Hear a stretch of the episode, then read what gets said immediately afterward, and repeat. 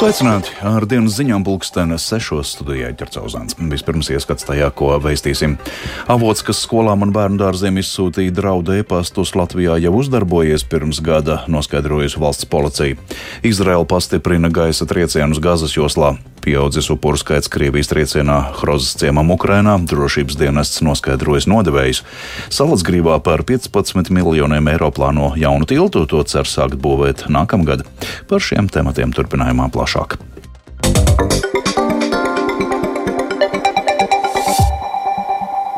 Arī aizvadītajā naktī vairākos simtos skolu un bērnu dārzu saņemti terorismu draudu e-pasti. Policija jau laikus paziņoja, ka draudu līmenis ir zems un mācības var notikt. Dažos bērnu dārzos gan pieņēma lēmumu šodien mācības atcelt. Arī vakar daudz vietas skolās notika darbinieku un skolēnu evakuācija. Tas nozīmē ne tikai pārtrauktu mācību dienu, bet arī to, ka daudziem vecākiem nācās pamest darbu un doties pakaļ savām atvasēm. Valsts policija secinājusi, ka avots, kas skolām un bērnu dārziem izsūtīja draudu e-pastus, Latvijā jau uzdarbojies pirms gada. Vairāk par tematu stāsta Paula Devica. Aizvadītajā naktī ēpastus par it kā iespējamiem drošības draudiem saņēma aptuveni 400 pirmskolas izglītības iestādēs. Līdzīgi kā vakar, valsts policijā aicināja saglabāt vēsu prātu un neveikt evakuācijas pasākumus. Vakar vairākās izglītības iestādēs mācību procesu pārtrauca. Līdzīgi šodien lēma arī daļā bērnu dārzu, un tos uz dienu slēdza, neskatoties uz policijas rekomendācijām. Latvijas pašvaldību savienībā ziņo, ka īpaša kaitējuma mācību procesam nav, jo būtiskākais šajās dienās bijis rūpēties par bērnu drošību. Vienlaikus šodien veiktas pārunas ar drošības iestādēm iestādēm par to, kā rīkoties turpmāk, ja šādas situācijas rodas. Kopā ar pašvaldībām pieņemts lēmums par vienotu rīcību. Sākotnēji paziņot valsts policijai un tālākos lēmumus arī gaidīt no likumsargiem, nevis lemt pašās skolās vai pašvaldībās. Šāds lēmums pieņemts, lai izvairītos no scenārija, kad izglītības iestāžu reakcija uz notikušo atšķiras. Valsts kancelējā Latvijas radio skaidro, ka kopumā gan sabiedrība ar situāciju tikusi galā labi. Tomēr jāņem vērā, ka draudu vēstules atstāja sekas uz sabiedrību un arī iestāžu darbu. Pirmkārt, protams, daudz viet apstājās mācību process. Tāpat pamatīgi noslogot ir drošības dienesti. Runājot par ekonomiku, gan bankas Luminora ekonomists Pēteris Strautiņš skaidro, ka visticamāk notikušā tieša ietekme nebūs liela.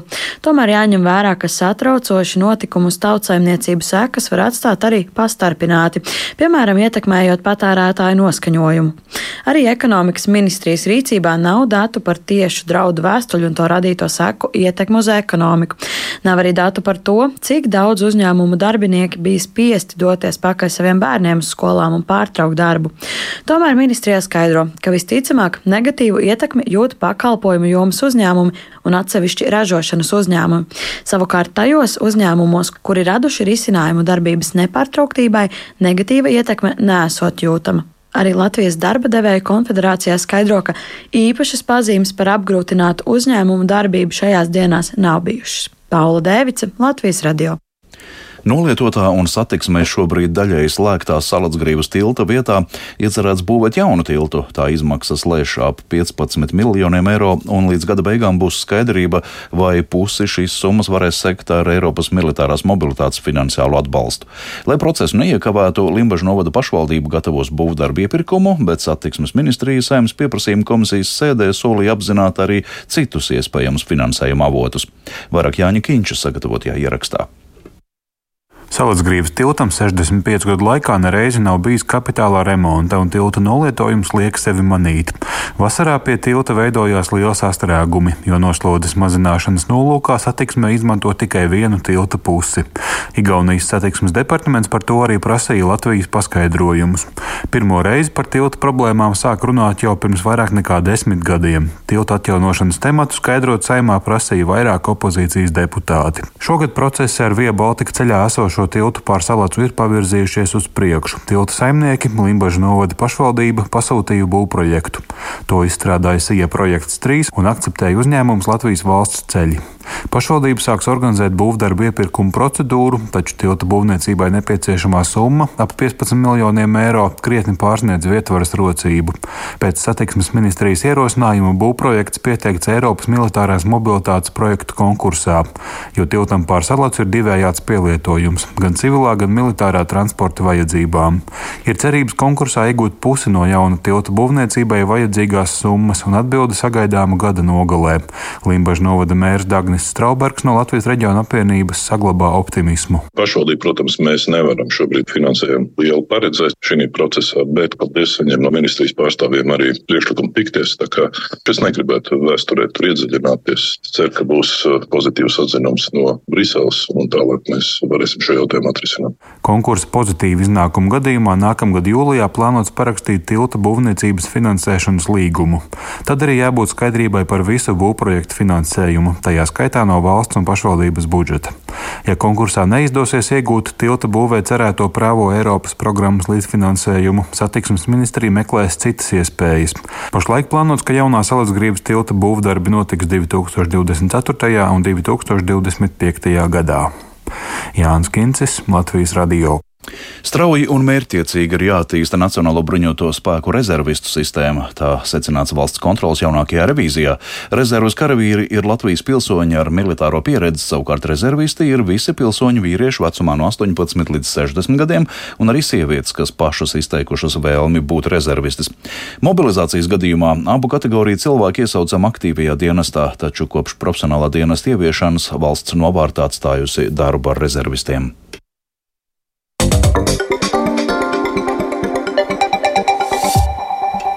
Pēc 5. oktobra Krievijas raķetes trieciena Harkivas apgabalā Hrozas ciemu kafejnīcē nogalināto skaits pieaudzis līdz 55, paziņojusi Harkivas apgabala prokuratūra.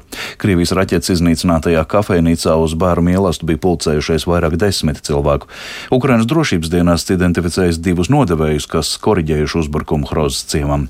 Plašāk stāsta Rihards Plūme. Kā šorīt norādījis Harkivas apgabala prokuratūras pārstāvis Dmitrijs Čubenko, pēdējās diennakts laikā starp bojāgājušajiem Krievijas raķetes triecienā Hrozes ciemam tika identificētas vēl divas sievietes. Pirms tam viņas tika uzskatītas par bezvēsts pazudušām. Bojāgājušo līķu atpazīšana joprojām turpinās. Jau identificēti 55 līķi, starp kuriem ir arī viens bērns, bet vēl trīs cilvēki tiek uzskatīti par bezvēsts pazudušiem. Tātad kopējais nogalināto skaits varētu sasniegt 50. 58 cilvēkus. Tikmēr Ukrainas drošības dienests identificējis divus nodevējus, kuri koriģēja precīzo Krievijas raķetes uzbrukumu. Uzbrucēji izrādījās divi vietējie iedzīvotāji - 30 gadus vecais Voldemirs Mamons un viņa jaunākais brālis - 23 gadus vecais Dmitro Mamons, kuri reģiona okupācijas laikā pārgājuši Krievijas pusē. Par to abi saņēma amatus okupācijas Harkivas apgabala militāra civilās pārvaldes iekšlietu departamenta rindās. Reģiona atbrīvošanas priekšvakarā abi nodevēji kopā ar ģimenēm aizbēga uz Krieviju, kur turpināja strādāt par labu iebrucējiem. Pēc Krievu okupantu norādījumiem viņi attālināti sāka veidot savu informatoru tīklu Ukrainas kontrolētajā teritorijā.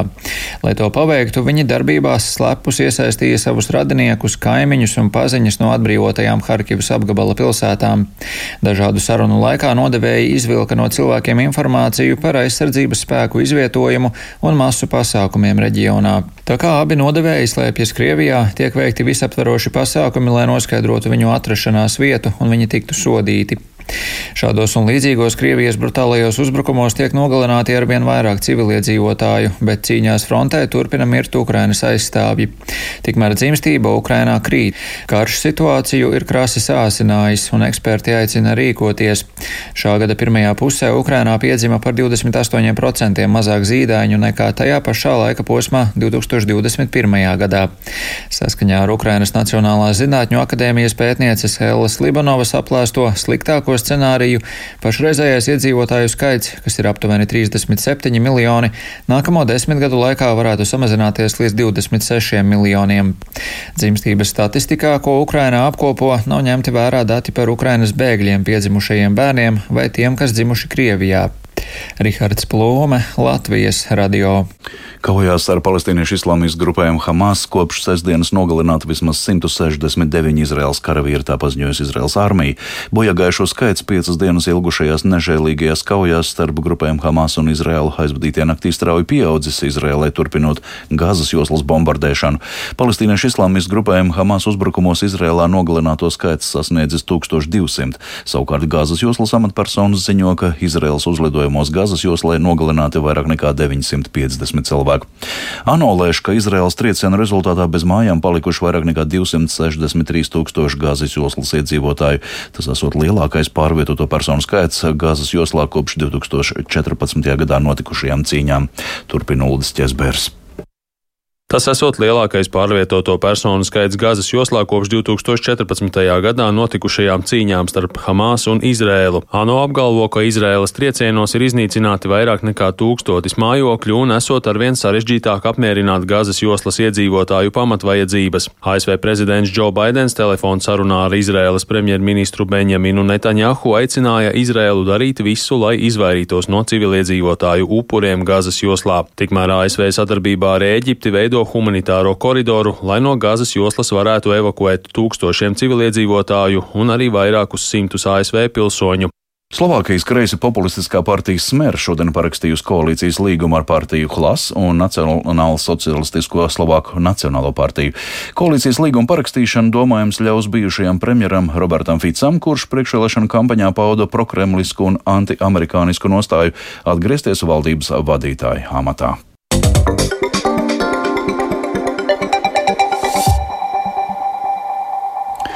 Topošie ārsti Rīgas Stradiņu universitātē šoruden sāks apgūt militāro medicīnas kursu. Baltijas valstīs tas būs pirmais tāds kurs, kurā studenti apgūs dažādus ievainojumu veidus, kurus nevar iegūt ikdienas dzīvē. To šodien atklājot kursu atzina universitātes rektors. Tas nozīmēs, ka pēc universitātes absolvēšanas topošajiem mediķiem būs unikālas zināšanas. Turpina universitātes rektors profesors Haigars Petersons. Gan kā diagnosticēt, gan kā evakuēt, gan kā ārstēt, gan kā pārvest, gan kā transportēt uz centralizētiem punktiem un ne tikai. Protams, arī teorētiskās zināšanas par dažādiem bruņojumu veidiem, jo zinām, dažādi toksīni, mikrobioloģiskie piesārņojumi un tā tālāk, militāra konflikta gadījumā, bioloģiskie ieroči. Ar vienu var sakot, viss jaunākais, kas šobrīd ir šajā militārajā zinātnē, tiks dots mūsu nākamajiem ārstiem. Bet, protams, mums stāv priekšā arī jau speciālistu, esošo speciālistu sagatavošana, jo mēs arī rezidentūras laikā šādu programmu veidojam. Jaunais studiju kurs palīdzēs arī Nacionālajiem bruņotajiem spēkiem, kuriem gan ir savs medicīnas centrs. Bet Latvijas vīru futbola izlasēja rītdienas Eiropas čempionāta kvalifikācijas mačā pret Armēniju nepalīdzēs Antonijs Černomordijs un Dmitrijs Zelenkovs. Tā šodien pastāstīja valsts vienības galvenais treneris Dainis Kazakevičs. Par eh, Černomordiju savainojumu klubs Rīga ziņoja jau pirms valsts vienības nometnes, bet eh, Kazakevičs aizsargu tik un tā izsauca, jo vēlējās vēlreiz pats pārliecināties par diagnozi. Turpina Dainis Kazakevičs. Divi spēlētāji vairs uh, nav mūsu rīcībā veselības stāvokļa dēļ. Viens no tiem ir Antonius Černomortīs, un otrs jā, tika konstatēts, ka Dmitrijam Zelenkovam ir laustas ribas pēc darbībām, nu, teiksim, pēc spēles vai pēc treniņa procesa klubā. Un, attiecīgi, viņš arī mums nav palīgs. Tā kā šie divi futbolisti ir paktuši izlases treniņu nometni, pārējie 23 futbolisti turpina gatavoties spēlē. Kristers Tobers, kā mēs zinām, tuvākajā spēlē nepiedalīsies. Tātad mums uz tuvāko spēli 22 spēlētāji spēlētāji. Ir atsevišķi spēlētāji, kuriem ir mikrosavainojumi, bet šķiet, ka nevienam no viņiem tas netraucēs rītdien vajadzības gadījumā piedalīties spēlē. Latvijas futbolisti rīt septiņos vakarā Skonto stadionā spēlēs pret Armēniju. Pagaidām piecās kvalifikācijas spēlēs latvieši nav izcīnījuši ne punkta. Izskan dienas ziņas sešos, tās producēja Edgars Kupčs, par labskaņu rūpējās Ivets Zvejniec un Renārs Štēmans studijā Ģercauzāns. Yeah.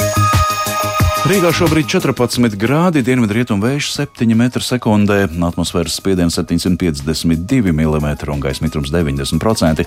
Kāds laiks gaidāms nedēļas otrajā pusē stāsta Toms Brīsis. Līdz nedēļas beigām laiks Latvijā saglabāsies vējains, taču silts. Spēcīgākais vējš gaidāms ceturtdien, kad rietumu vēja brāzmas lielākajā valsts daļā būs 15-20 m2 stipras, bet Ziemeļkurzemē un Vidzemes ziemeļpiekrastē ap 25 m2 stipras. Brīžiem līs un temperatūra 10-13 grādi. Līdzīgi tā saglabāsies arī piekdien, taču tad lielākajā valsts daļā nokrišņi nav gaidām, arī vējš kļūs lēnāks. Sesdiena gan būs lietaina, atkal ar brāzmainu vēju taču siltāka. Temperatūra 14, 17 grādi vietām zemgalē un latgalē 18, 19 grādi. No svētdienas temperatūra sāks pazemināties un nākamnedēļ būs krietni vēsāks.